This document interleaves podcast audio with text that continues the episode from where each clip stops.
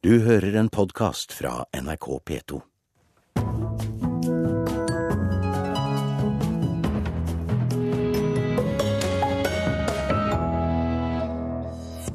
Ingen nordiske statsledere møter opp når Nordisk råd i kveld for første gang deler ut alle prisene i en direkteoverført TV-sending. Nettbrett i musikkundervisningen motiverer elevene, viser forskning. Kan ødelegge ferdigheter i faget, mener pedagog. Og påkostet, lekker eller strøken? Mange annonser har svulstige beskrivelser av boliger som er til salgs. Eiendomsmeglerforbundet oppfordrer til mer nøktern språkbruk. Og så skal Alf Prøysens egen dag feires for første gang eh, i år. Hvert år fremover skal han hedres på dagen han døde den 23. november. Og i forkant av 100-årsjubileet til neste år får både barn og voksne nytt Prøysen-materiale. Og det skal du få høre mer om eh, her i Kulturnytt, hvor Elisabeth Tøtte Hansen er eh, i studio i dag. Først til Nordisk råds pris, for for aller første gang skal utdelingen av prisene direktesendes i hele Norden. Det er også første gang alle prisene offentliggjøres og deles ut samtidig. Men ingen av de nordiske statslederne blir å finne i salen under prisutdelingen i kveld. Beklagelig, mener Foreningen Norden. Jeg, jeg syns det er trist at uh, statsministrene ikke er til stede når uh, man nå fra, fra Nordisk råds side satser så mye på å, å løfte disse, denne, disse prisene. Det sier generalsekretær Espen Stedje i Foreningen Norden. Med 50 000 medlemmer og snart over 100 års innsats for nordisk samarbeid, beklager foreningen at verken Erna Solberg eller noen av hennes nordiske statsministerkollegaer finner veien til kveldens show.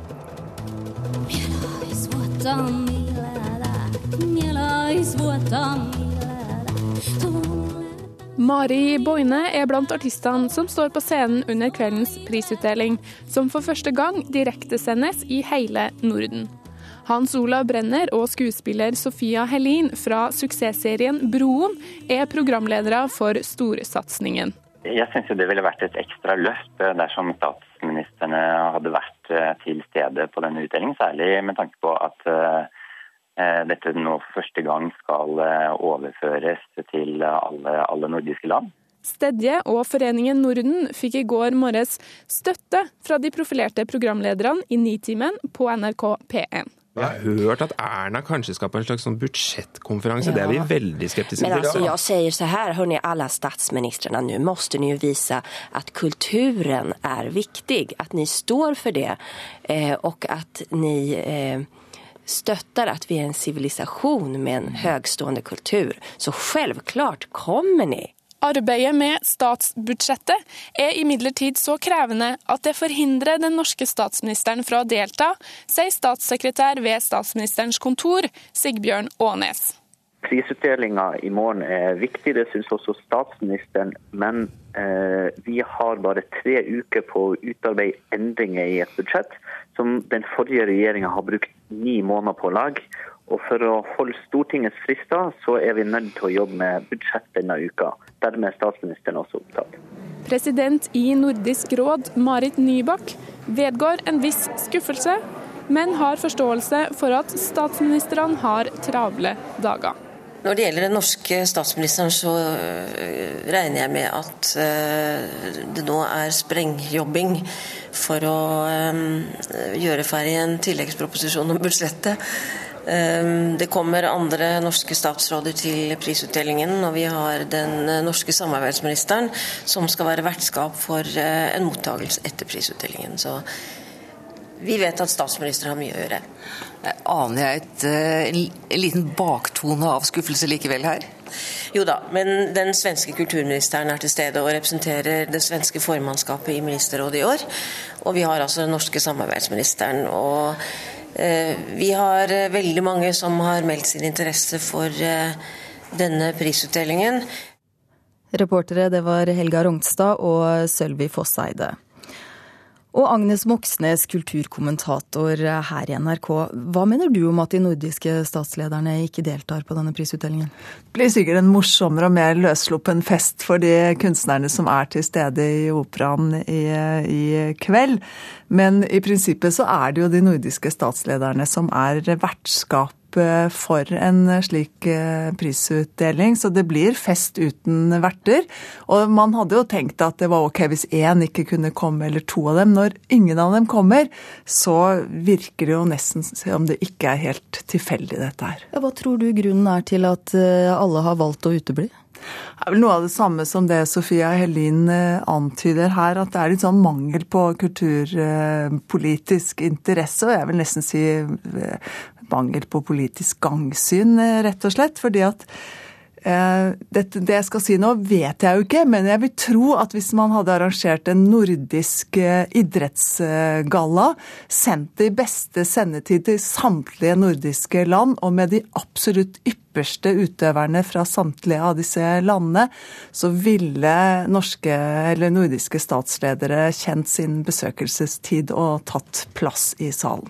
Ja, for det er jo for aller første gang denne prisutdelingen får en egen TV-sending som kringkastes nå i alle de nordiske landene. Ambisjonsnivået er skrudd opp. Hvorfor tror du det? Først og fremst så er det jo fordi at det er kommet så veldig mange priser, så det er en konkurranse om å bli sett. Og hvis Nordisk råds kulturpriser skal synes i landskapet, så er de nødt til å ta et grep, og det er det de har gjort her nå. Samtidig så må det jo sies at Nordisk råds kulturpriser med litteraturprisen i spissen er absolutt noe av det mest vellykkede Nordisk råd har fått til siden de startet. Og det begynner å bli veldig mange år siden. Eh, og de har, sånn at Man kan på sett og vis kalle det en politisk initiert eh, pris, eller priser. Det er godt tenkt at man skal skape og utvikle liksom et nordisk eh, både språklig og kulturelt fellesskap.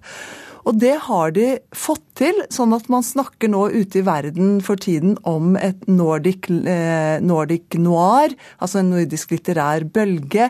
Snakker om nordisk mat, nordisk musikk, design, arkitektur osv. osv. Sånn at når eh, disse prisene deles ut nå i ettermiddag, så vil jeg si at det er en prisutdeling med en forsamling som har større selvtillit eh, på sin front enn det de har hatt på, på lenge.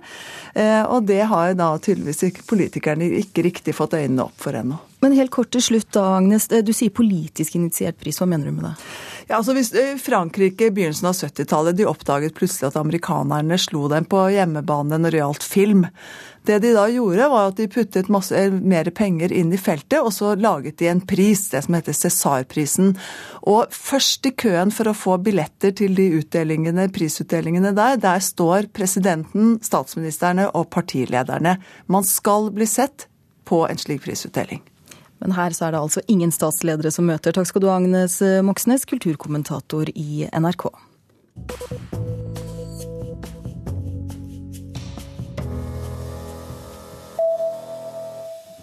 Mange boligannonser bruker store ord om eh, leiligheter og hus som er til salgs. Et kjapt søk avslører at det finnes en rekke enestående og unike boliger på markedet. Og nå advarer Eiendomsmeglerforbundet sine egne mot å bruke opp de store ordene i boligannonsene. Leiligheten framstår som lys, meget sjarmerende og innflyttingsklar. Ekstra koselig atmosfære. Jeg eh, syns vel det er pynta til det ugjenkjennelige ofte. Iris Furu arbeider med retorikk og språklig kommunikasjon. Eh, det er sånn at helt vanlige bosteder framstår som helt sånn unike varp. og stedet Istedenfor å bruke nøytrale ord for å beskrive et hus, så legger de på og legger alt ett nivå opp for å få det mer pynta. Litt slitt blir nyere, f.eks. Språkkonsulenten har finlest en rekke boligannonser den siste tida, og slår fast at folk må kjenne kodene. Det er definitivt et kodespråk. Eh, og da gjelder det jo for oss som skal kjøpe leiligheter, å kunne kodene før vi går på visning. Hvis det er luftig, f.eks., så er det vanlig takhøyde. Hvis det er lyst, så er det vanlige vinduer. Sånn at alt, alt, som er vanlig, framstår som litt mer spesielt enn det det faktisk er. Særdeles lekker og påkostet treromsleilighet. Balkong med flott utsikt. Må ses. Jeg mener at det brukes eh, for mange store ord uh, i uh, en del av de boligannonsene man kan lese. Det sier leder av Norges eiendomsmeglerforbund, Tormod Bollvik. Problemet ved å bruke for store ord når man etterpå vet at folk kommer for å se de faktiske forholdene, det er at eh, folk kjenner her at han eiendomsmegleren han eh, dro på for mye. Eh, det var ikke så bra som de han sa det var. Og det er klart at For en eiendomsmegler som er avhengig av tillit hos forbrukerne, så er en mer nøktern språkdrakt avgjørende. Enestående beliggenhet med fantastisk utsikt, stor og solrik tomt. Hei, hei, velkommen. Vi stilte på visning for å høre hva de potensielle kjøperne synes om Bustad-annonsene. Unikt og eksklusivt og enestående. Ja. Det er alltid noe veldig fantastisk å selge. så det blir jo for mye. For mange adjektiv, egentlig. Hvis du, har, hvis du, ikke skjønner at det er sånn det er, så blir du skuffa. Men hvis du har vært på visning, så vet du at alt er rosenrødt. da. Og hvis det står at det er stort potensial, så betyr det at det er drit, liksom. at du må fikse det sjøl. Iris Furu har et klart råd til eiendomsmeklerne. Det kunne tatt seg bedre tid å se hva som, hva som faktisk skiller den ene boligen fra den andre. Og, få, og beskrevet det helt sånn konkret for oss, istedenfor å hevde at han er unik. Så kan du heller vise hvorfor. Eiendomsmeklerforbundet legger stor vekt på ryddig markedsføring og etikk, sier Tormod Bollvik, men samtidig er han sikker på at kundene klarer å gjøre seg opp sin egen mening. De reelle handlene skjer etter at folk har vært og kikka. Da har de fått eh, de reelle opplevelsene av hva de kjøper. Men det er et, eh, det er et problem at ikke vi, vi har ikke nok å gi til de som virkelig har en bra bolig, hvis vi har brukt opp ordene på forhånd. Reporter, det var Silje Sande. Klokken nærmer seg 15 eh, minutter over åtte. Du hører på Kulturnytt, og de viktigste sakene i nyhetsbildet nå er at Fagforbundet oppfordrer flypassasjerer til å boikotte Norwegian. LOs største forbund reagerer på at thailandske Norwegian-ansatte får lav lønn. Statsminister Erna Solberg ber Justisdepartementet om en ny vurdering av om landbruksminister Sylvi Listhaugs kundelister kan holdes hemmelige, skriver Dagens Næringsliv. Og arbeids- og sosialminister Robert Eriksson vil ta flere virkemidler i bruk for å hindre at unge blir uføre på livstid. Nettbrettet inntar musikkundervisningen på stadig flere skoler og brukes til å spille og komponere musikk. Ny forskning viser at dette virker motiverende for elevene, men eh, musikkpedagog frykter at nettbrettet kan ta over for deler av den grunnleggende musikkundervisningen. En blomst, det er en sol, det er en vind, og det er en snøkrystall. De lydene, de bildene, bestemmer hvordan denne bakgrunnslyden skal være. Femte klasse på Eiksmarka skole i Bærum sitter som tente lys idet musikklærer Line Høsflot kobler iPaden til lydanlegget. På storskjermen foran dem viser Line hvordan man enkelt kan komponere musikk ved å dra elementer inn i skjermbildet. Jeg viser hvordan man gjør det. Eiksmarka er foreløpig en av få skoler som har tatt i bruk nettbrett i musikkundervisningen. Lærer Line mener det gir elevene et stort utbytte, og ser ikke på dette som en erstatning for den klassiske blokkfløyta. Det er egentlig ikke snakk om noen erstatning. For Det som er viktig, er jo at iPad ikke blir en hype, som vi bare gjør fordi det er morsomt og fordi det er kult, og fordi elevene syns det er kult. Som komponeringsverktøy så er det, så er det ikke snakk om noen, noen erstatning, det er bare en, en berikelse. På Musikkhøgskolen i Oslo sitter førstelektor i musikkteknologi, Håkon Kvidal. Han jobber med et forskningsprosjekt hvor de undersøker mulighetene som nettbrett tilbyr innen musikkopplæring i grunnskolen. Jo, det vi har gjort i det prosjektet her som heter Nettbrett i musikkundervisninga, det er å være på noen skoler hvor de bruker det, og observere hvordan det fungerer. Og så snakker vi med elevene. Forskningen viser at nettbrettet er enkelt å bruke for elevene. Det skaper en motivasjon i faget, og det er svært anvendelig. Ja, det er mange måter de kan bruke det på. De kan bruke det som et instrument. Enten ved at de lager små nettbrettorkester, eller ved at spiller, noen spiller på nettbrett og andre spiller på andre ting. De kan bruke det til å produsere musikk. Altså at de ikke utøver i sann tid her og nå, men at de spiller inn noe det er en fare hvis det blir, dette blir et lettvint verktøy for lærere, og dermed mye brukt, så vil det kunne fortrenge andre sider av musikkfaget. Sier Britt Ågot Danielsen, som er pedagog og førstelektor i musikkdidaktikk. Hun er redd for at nettbrettet kan ødelegge for tradisjonell musikkundervisning. Jeg ser selvfølgelig at det kan være svært stas.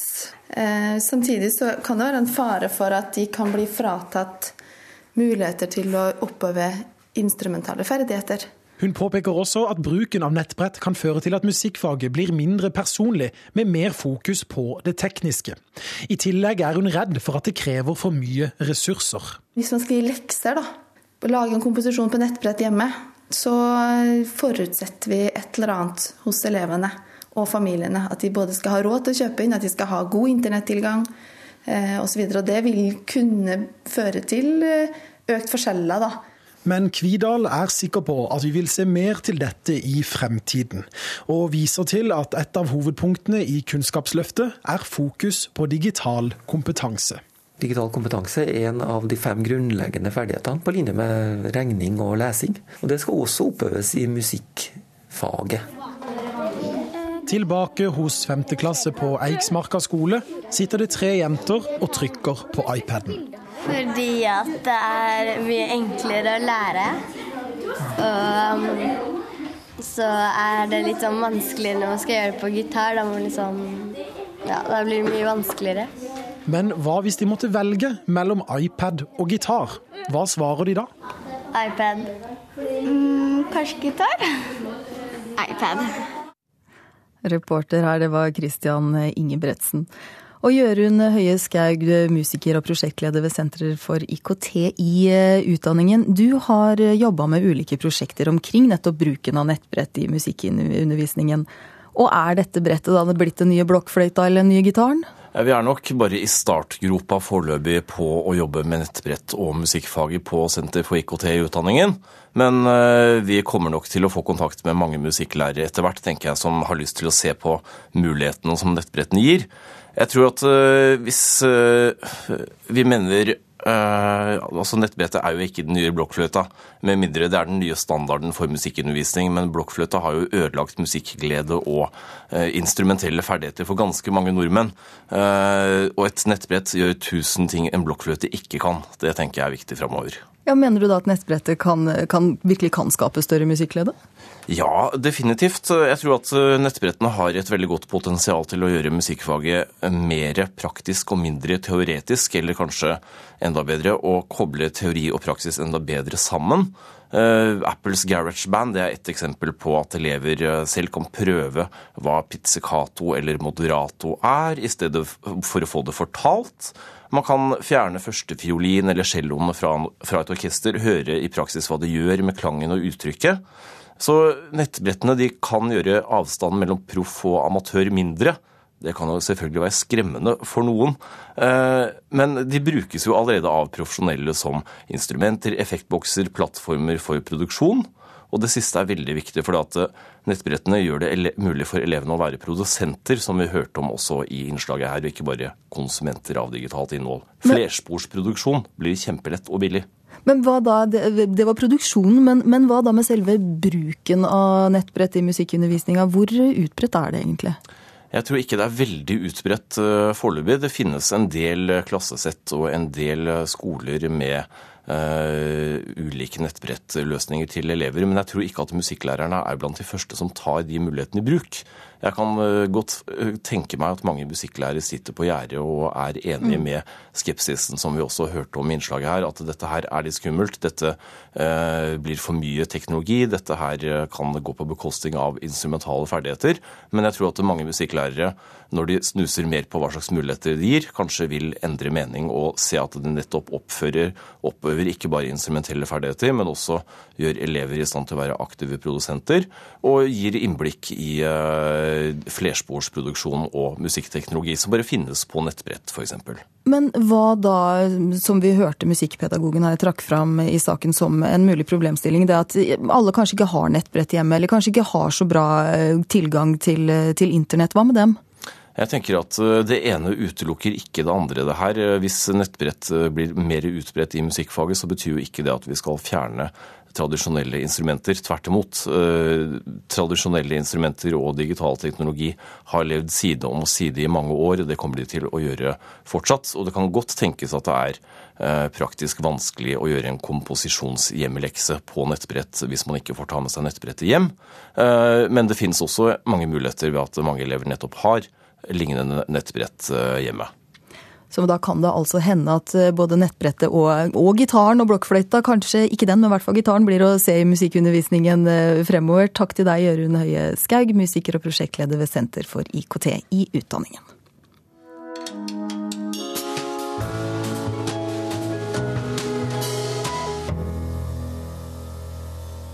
Henning Mankels serie om Kurt Wallander er mer eller mindre offisielt avsluttet, men nå foreligger en tidligere bok som først nå er oversatt til norsk. Den har tittelen Hånden, og en politietterforsker av ypperste litterære merke har blitt en liten nyanse rikere, mener vår anmelder Knut Hoem. Det krever et lite etterforskningsarbeid å finne ut hvor den hører hjemme, denne lille boken om Kurt Wallander. Handlingen utspiller seg fra 25.10.2002 til noen dager før julaften samme år. Dateringen er viktig i dette tilfellet, for her ligger jo noe av denne seriens styrke. Fra det hele setter i gang i skyggen av murens fall i 1990, så følger vi Wallander fra han er tidlig i 40-årene frem til han i Den urolige mannen får konstatert at han, i likhet med sin far, lider av Alzheimer. I hånden, som først nå foreligger på norsk, er Wallander lykkelig uvitende om dette. Det er fortsatt mulig å drømme om et hus på landet og fylle tankene med en imaginær hund. Skal vi nærme oss et emne for fortellingen, så er det vel kanskje at Wallander og hans kollegaer denne gang får mulighet til å være arkeologiske politifolk. Ut fra et yrkesmessig etos om at også forbrytelser som ligger tilbake i tid, skal etterforskes, om det så er aldri så foreldet. Fortellingen er kort, og det skånske landskapet mer forblåst og nakent enn noensinne, naturlig nok, på denne årstiden.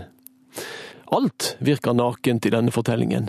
Forholdet til datteren Linda like hverdagslig trøblete som forholdet Valanda hadde til den tiurmalende faren i tidligere bøker. Relasjonene til kollegene på jobben, det går litt på autopilot, og alle har jobbet lenge nok sammen til å være, ja, ferdigkranglet. Språket, sånn som det framstår i Kari Bolstads oversettelse, er også nakent, og det er vel der, om ikke hånden, så iallfall hunden er begravet, tror jeg, i forhold til å forstå hvorfor også denne fortellingen er så overbevisende i all sin litterære kraft. Ta for eksempel denne dialogen mellom far og datter i bilen. Har vi litt tid etterpå, spurte Linda, jeg har så lyst til å gå litt i butikker, det er så lenge siden sist. Hva slags butikker? Klær. Jeg vil kjøpe en genser som trøst. Trøst for hva? At jeg føler meg litt ensom. Hvordan går det med deg og Stefan? Det går bra, men man kan føle seg litt ensom likevel. Wallander sa ingenting, han visste altfor godt hva Linda snakket om. Ja, Det var vår anmelder Knut Hoem som til slutt siterte fra Henning Mankels krimroman Hånd. En egen hyllestdag for Prøysen innføres i år, og feires for første gang nå i november. På hans dødsdag den 23. november samles artister i Oslo for å hedre Prøysen med nytolkninger av visene hans. Og i forkant av 100-årsjubileet til neste år får også barna oppleve nytt eh, Prøysen-materiale.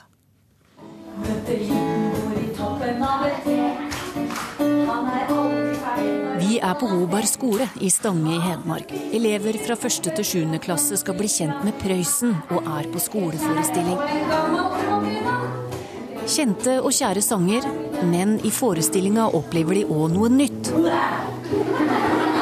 Anne Flugstad, som reiser rundt med skoleforestillingen sammen med musiker Fred Dahlbakk, har fått lov av Elin Prøysen å sette ny melodi til en allerede tonesatt Prøysen-sang. Helt fra jeg var liten har jeg hørt de voksne si Så når jeg leste teksten, så kom denne melodien her i hodet veldig fort. Så, så tenkte jeg å, den må vi bruke på skolen! Den passer jo så godt i den forestillingen som jeg har tenkt. Eh, hun ville jo helst at den skulle være sånn som den var, for hun syntes den var veldig fin. Så vi sendte jo henne lydfil og sånt, så hun fikk høre på den vi hadde laga. Og så fikk vi lov til å bruke den, så det var veldig artig. Ja, det var vel fordi jeg tenkte det var ikke noe sånn veldig sentral eh, sang, så det, det var greit. Sier Elin Prøysen. Visa er opprinnelig tonesatt av Dag Åkesson Mo. Jeg syns jo kanskje den her er mer 2013-melodi. Den var ikke så god som originalen, men den var grei. Rampegutt, rampegutt. En ekte rampegutt i Prøysen-sammenheng er Jørn Simen Øverli, visesanger og en av driverne bak Josefine visescene. Han har vært kritisk til rettighetshaverne og mener de har hindra nye melodier å vokse fram. Men han innrømmer at det skjer fornyelser. Ja, opplagt. For meg, om det er en ny melodi eller en ny tolkning, det kan være eh, på for så vidt et fett. Poenget er jo at det er artister eh, som da skal eh, tolke Prøysen på sin måte. Josefine Visescene står sammen med NOPA og Prøysenhuset bak en konsert som arrangeres for første gang i år, men som er tenkt å bli en årlig hendelse. En konsert på Prøysens dødsdag 23.11, der målet er å vise Prøysens bredde og la artister være kreative i nytolkninger av Prøysen. Det altså, det er jo sånn all kunst har fortsatt overlevd at man inspirerer hverandre. Man står på skuldrene av de som har gjort inntrykk på en og, og, inspirert en og gjort en til kunstner. Og det, Derfor også kommer yngre folk på denne konserten, rappere og sånt nå etter hvert, eh, som gjør det på sin måte. Så lenge det er eh, artister som tolker, så er jo det så er jo det veldig spennende. Eh, smaken på en måte forandrer seg, og at det ligger, eh, det ligger jo mye der som artister kan ta tak i og utnytte.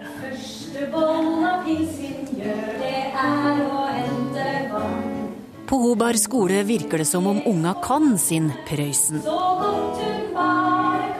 Kanskje de i framtida vil synge med på nye versjoner, tolka fram av nye artister på en årlig kreativ hyllest av Prøysen. Dette her har vært snakket om hos oss eh, Prøysen-nerder i årevis. Det, er ikke nødvendigvis sikkert at det blir så voldsomt radikalt, men som sagt eh, at, eh, at, det, at, at man kan få et enda rikere inntrykk og forhold til Prøysen. For nå skal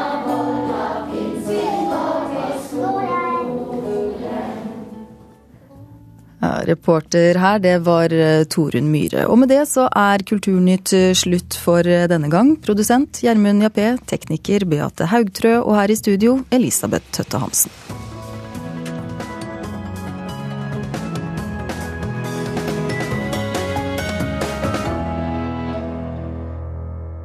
Du har hørt en podkast fra NRK P2.